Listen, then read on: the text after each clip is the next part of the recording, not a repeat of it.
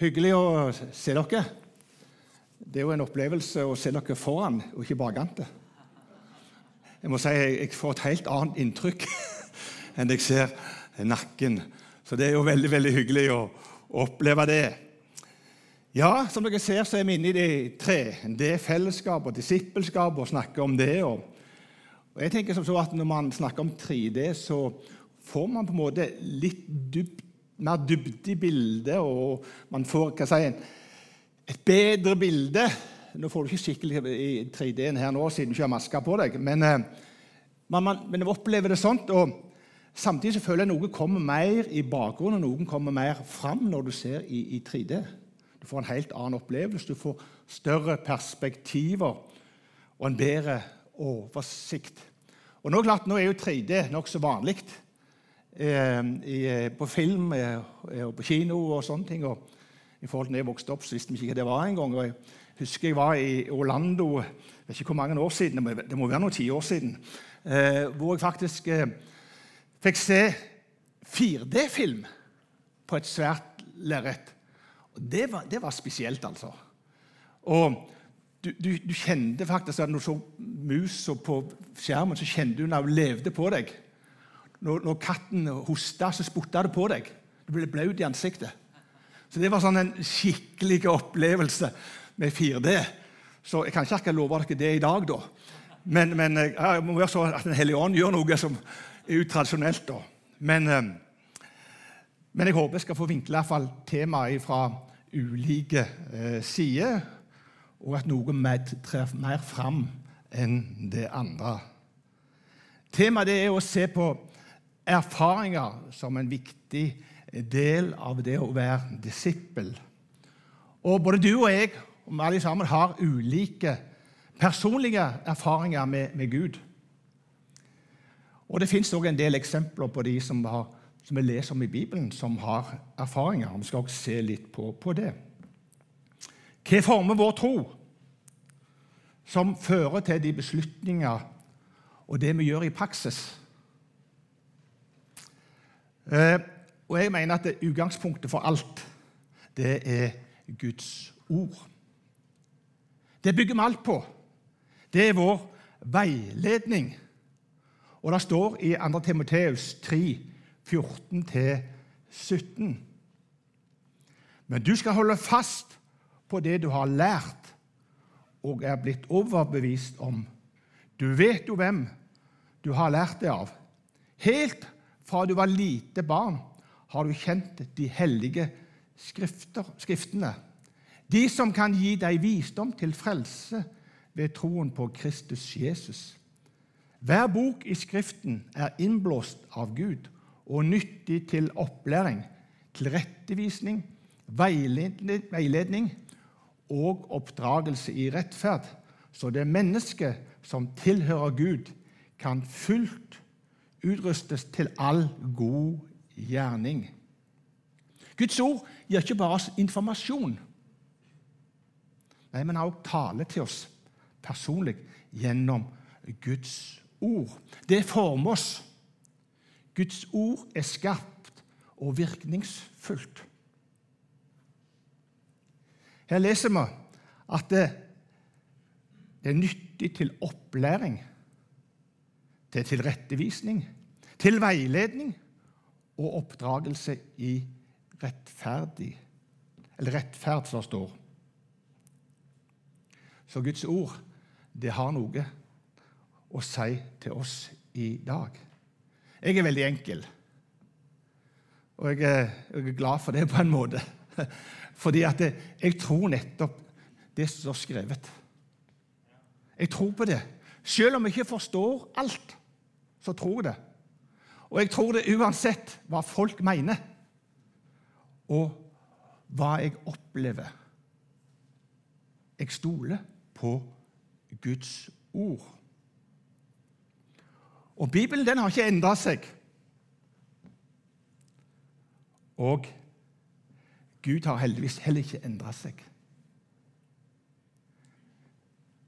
Vi kan ikke ha Gud som passer inn i vårt bilde, eller på den måten som jeg vil ha det. Eller Guds ord inn på den måten som jeg liker det best, og passer min livssituasjon.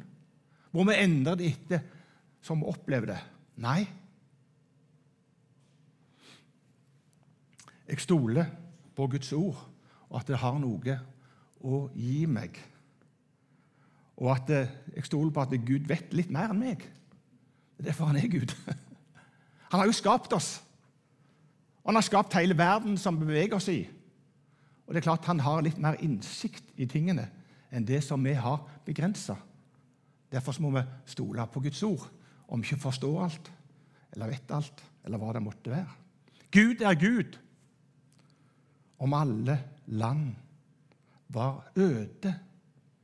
Gud er Gud om alle mann var døde. Det sa dikteren vår Petter Dass. Hva innebærer det å være en disippel?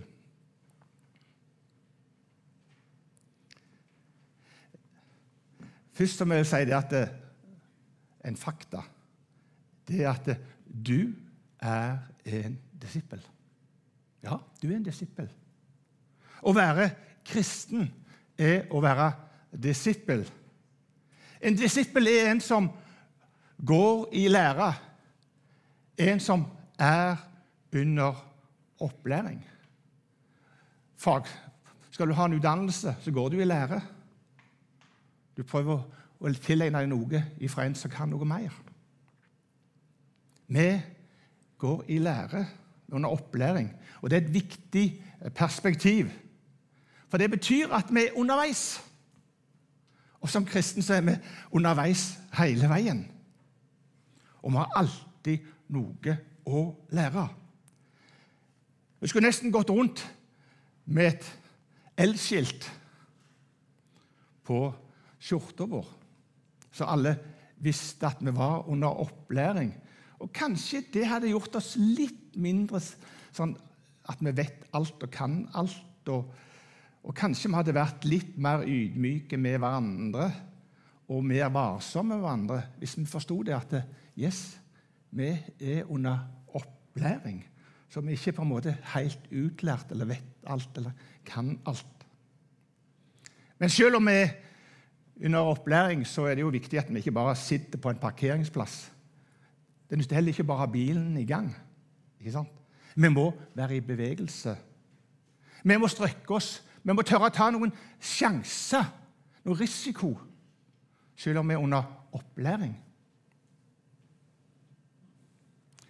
En, lærling er aktiv for å lære, og det er krevende. Det første Jesus sa til disiplene da han kalte dem, det var Følg, kom, følg meg, så vil jeg gjøre dere til menneskefiskere. Jesus han poengterte veldig sterkt og la vekt på at de skulle følge han. Det ble ikke stilt noe krav fra Jesus i utgangspunktet om sånn og sånn og det og det og det. Nei. De ble heller ikke lovt gull og grønne skoger. Så spør du hvorfor valgte de da å følge Jesus? Jeg tror at de må ha blitt begeistra for Jesus siden de valgte å følge ham. Hva det innebar, tror ikke de var helt klar over.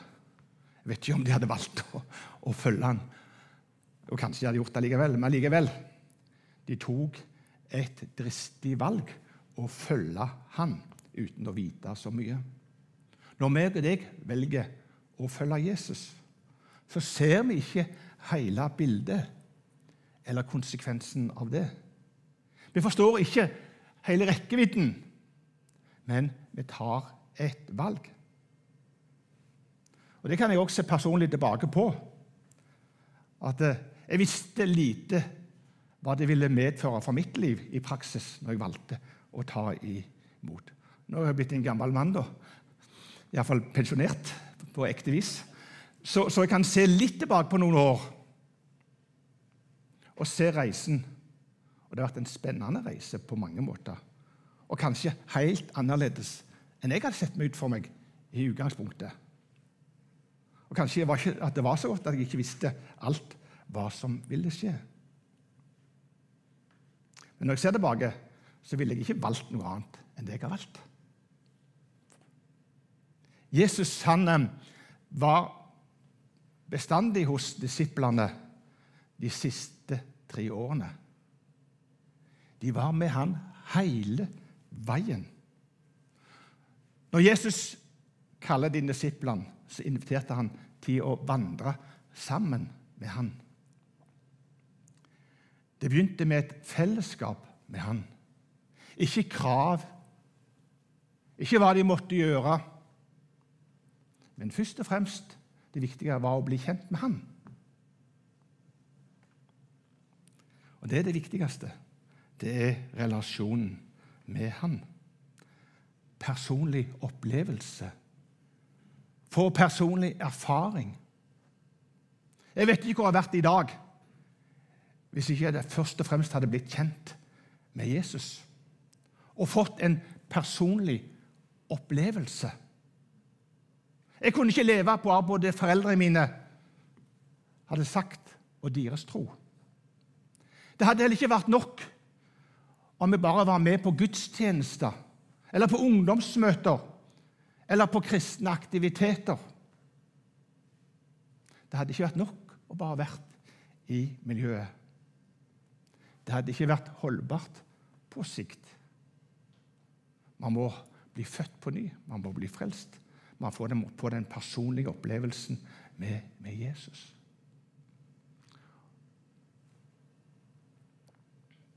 Det er i hvert fall avgjørende for, for mitt liv at jeg fikk den gudsopplevelsen som ungdom. Og ikke minst åndsdåpsopplevelsen. De valgene jeg tok, da, med å bli døpt, med å bli gravlegge det gamle legemet, selv om jeg ikke følte jeg var så syndige, men fulgte Guds ord. Men åndsdåpsopplevelsen var med å forme meg og skapte basisen i mitt liv. Det å tale i andre tunge, det å få et eget bønnespråk, som Bibelen taler om. Det har skapt et fundament i mitt liv som jeg har bygd på. Det har på en måte skapt en trygghet i alle valg jeg har gjort. Og Det har gjort at jeg kan kunne slappe av i min tro, selv om jeg ikke forsto alt, selv om jeg ikke visste alt, eller selv om jeg møtte ting i livet. For meg har det derfor vært helt naturlig å være en kristen. Noe annet ville vært helt utenkelig. Det er viktig at, eh, å forstå at vi ikke bare går i en menighet som om vi går i en tilfeldig klubb eller i et idrettslag. For det er ikke aktiviteten eller miljøet som er det viktigste.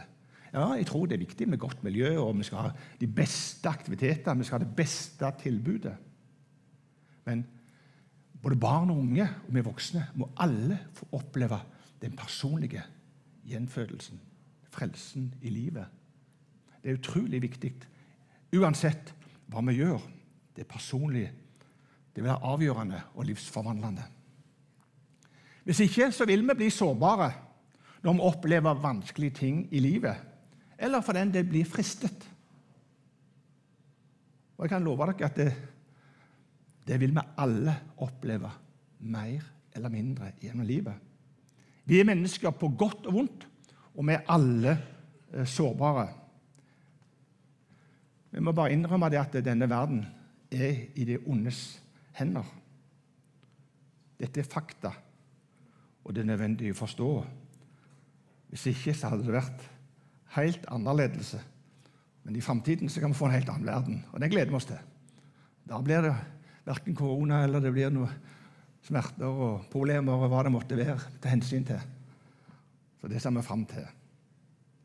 Disiplene som Jesus valgte ut, skulle vandre i hans fotspor. Skal, meg og deg skal fortsette denne vandringen. Vi er Jesu disipler.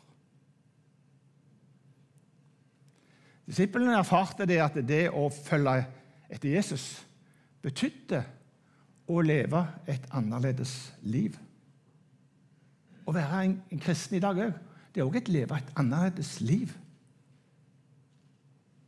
Og vi kan ikke forvente at de som ikke er, følger Jesus, eller har tatt imot Jesus ennå, at de skal forstå hvorfor vi velger det vi gjør, hvorfor vi mener det vi mener.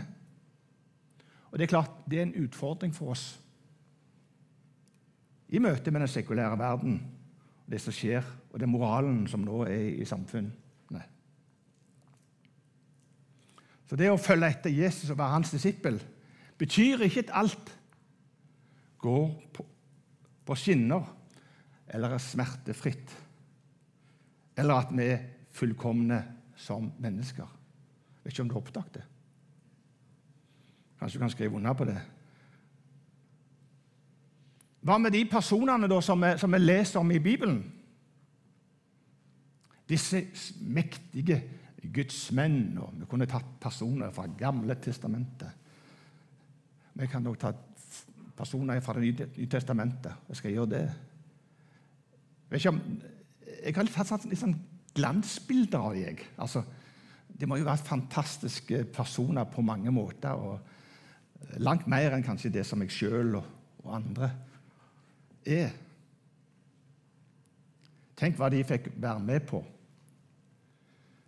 Alt hva de gjorde og betydde og har gitt oss deler av Nytestamentet, flere av disse. og Tenk på all den visdommen de hadde. og I tillegg så var de nær Jesus i mange år og fikk se alt det han gjorde, og alle miraklene. Det var vel annerledes for deg, de, enn for oss. Tenk å få vært med rundt den gjengen med Jesus og de tolv. Det måtte vært spennende. Ikke? Når vi leser i Bibelen, så ser vi at det, fakta er det at eh, Jesus hadde en enorm tålmodighet med disse disiplene sine som hadde rundt seg. Selv om de så alt han gjorde av under og alle ting. Og jeg tror at de har rista på hodet mange ganger av dem. Hvor dumme er dere? Hvor naive er dere? Har ikke forstått noen ting. Hva er det med dere? Her har dere sett alt dette. Og så igjen og igjen.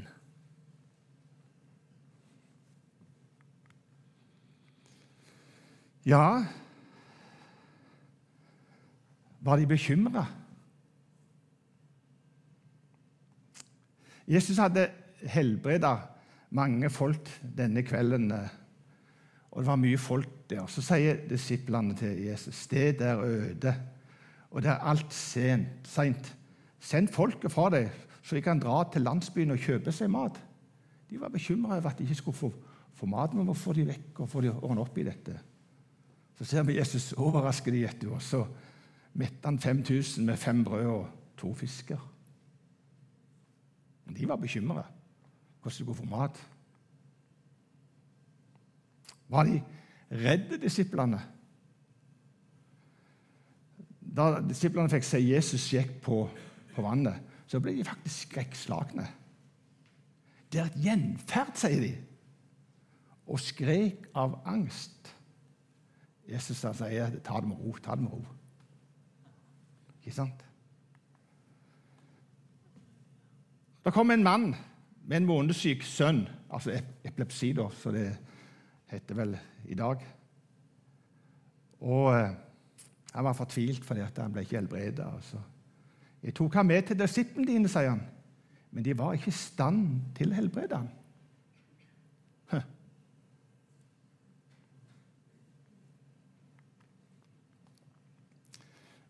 Var de eh, inkluderende?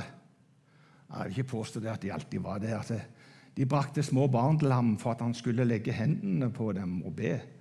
Men disiplene viste de bort. Det var til bryderi for dem, disse ungene.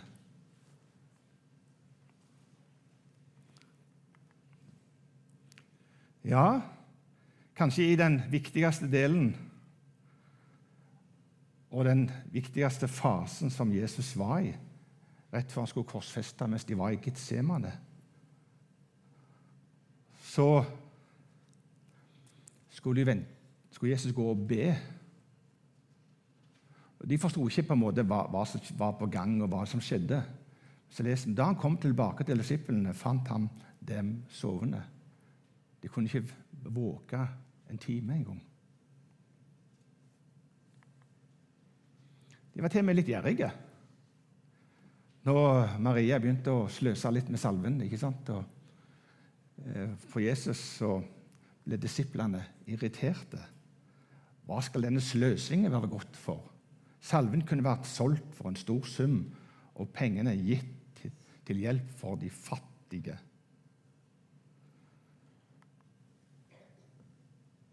Nei, det var feil. Eh, og selv om Peter hadde et nært forhold til Jesus Den disippelen som var nærmest Jesus, så fornekta han Jesus. Kan du tenke deg noe så grovt å fornekte han? Men det ble ikke slutten på hans kristenliv eller tjeneste. Heldigvis. Hanegale ble det kraftigste oppvåpningen noen gang, som noen gang i Peters liv.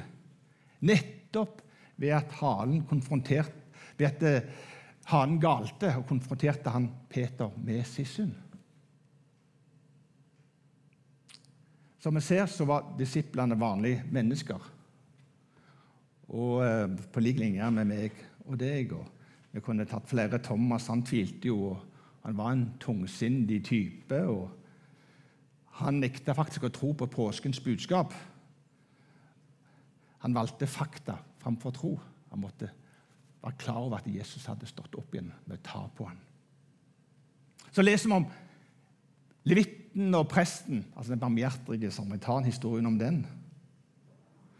De ser en halvdød mann i veikanten, men velger å gå utenom og forbi. Og Denne teksten er kanskje mer aktuell i dag enn noen gang for oss. Jeg skal ikke ta flere eksempler. Det er nok. Men jeg tror at vi, vi kjenner oss igjen på mange av disse områdene. Hva forteller dette oss? Jo, at bildet av de første kristne disiplene ikke så ulikt oss, og at de òg var, var, mennesker. Det betyr òg at det, vi er ikke fullkomne selv om vi er kristne og gjør alt rett. Vi gjør feil fordi vi er helt vanlige mennesker. Hva forteller det òg? Jo, det er håp for oss uansett. Og da hørte jeg et halleluja, ikke sant? Eller ammen. Hva lærer dette oss? Jo, det er at det handler ikke først og fremst om meg og deg, men om Jesus.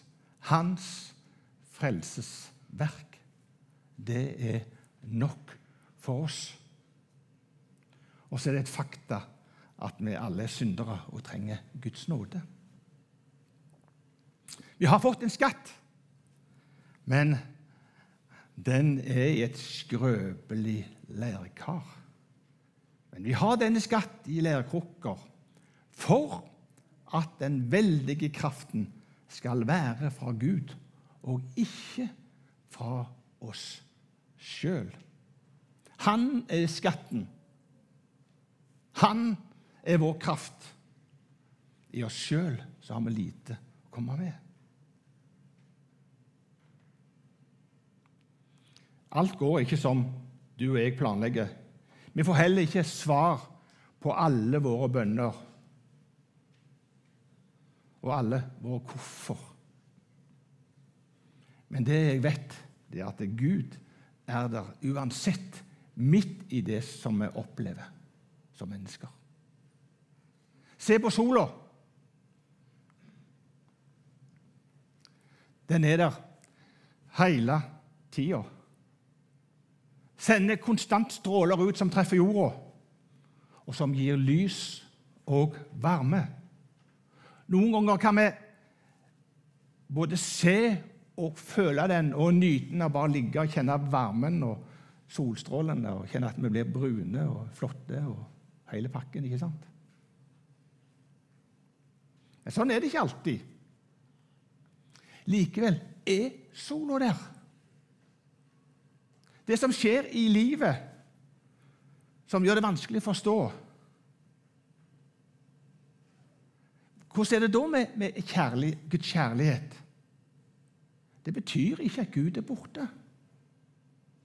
Noen ganger er det overskya, og da er det ikke lett å se sola. Men vi vet den er der alltid allikevel. Over skyene er det alltid sol. Det er ikke noe har tatt fly av og til, kommer fra stygt uvær, og så kommer du høyt opp, så ser du plutselig sola. For skyene har skygge for sola, så du ikke går nå ned til, til jorda. Men hun er der. Sola er der alltid, uansett. Guds kjærlighet og omsorg er der uansett hva vi føler, og hva vi opplever, og hvordan ditt liv har vært. Konklusjonen er at det handler først og fremst om Jesus. I et tre, det bildet, så er det han som står, sterkest fram, og ikke vi som mennesker. Eller det som vi gjør. Han trer sterkeste fram. Jesus han ga oss et nytt bud. Elske Gud først og vår neste som oss sjøl. Han er sentrum av vårt liv. Alt springer ut ifra det. Den hellige ånd, den nye fødselen, det nye livet, det skal dominere oss. Og det er en spennende reise. Det er en spennende opplegg. Et møte med Jesus det endrer hele livet. Det ser vi på Paulus på veien til Damaskus, eller Saulus som han heter da. En opplevelse av Jesus der på Damaskus endra hans liv radikalt. Jeg tror på Damaskus-opplevelser. Eller hva sier det på personlige opplevelser med Gud. Jeg tror det er viktigere enn noen ganger at man får den personlige opplevelsen. Paulus ble etter opplevelsen viktig i Guds rike. Det var avgjørende for hans liv. Så Da blir spørsmålet mitt til oss her i dag Hvilke valg har du tatt? Har du tatt valget om å følge ham? Er du villig til å gå på den reisen som han har for deg, uten at du kanskje vet alt, eller var klar over hva neste steg er, eller hva som skjer om, om ti år? Slik som disiplene. Er du villig til å følge Guds ord som det står, på tross av at du ikke forstår, men at du handler og praktiserer det? På tross av det du møter. Jeg tror det er nødvendig i en tid som vi nå går inn i, og framover. Mer enn noen gang til å gjøre det. Så vi kan bøye hodet nå, og så kan du få lov til å ta en personlig beslutning der du sitter, hvis du ikke har gjort det allerede. Først og fremst hvis du ikke har tatt imot Jesus Kristus som en egen personlig frelser, så kan du gjøre det. Pga. Restriksjoner så kan ikke nå gå fram eller gå til forbønn og legge hendene på hverandre, men du kan legge hendene på deg sjøl og bare si 'Jesus, jeg ønsker å følge deg', uansett hva det koster. Og Det kan du gjøre om du er kristen òg, at 'Jesus, jeg ønsker å følge deg uansett hva jeg møter'. Jeg ønsker å følge ditt ord og leve det livet som du har foran meg. Ta det personlige valget nå. Og Hvis du kjenner at du vil rekke opp ei hånd, så skal vi gjøre det, så skal vi be en bønn spesielt for deg. Så hvis det er noen hender som går opp her, så Du vet sjøl din egen situasjon og hva du har vært igjennom, og hvor du, hvor du er nå, og hva Den hellige ånd minner deg på nå, så kan du ta, få ta det standpunktet. I dag er det allehelgensdag. Alle det er fokuset på himmelen, vil jeg si heller. Den dagen er hvor vi kan få se fram til en framtid som er rik for oss alle og spennende.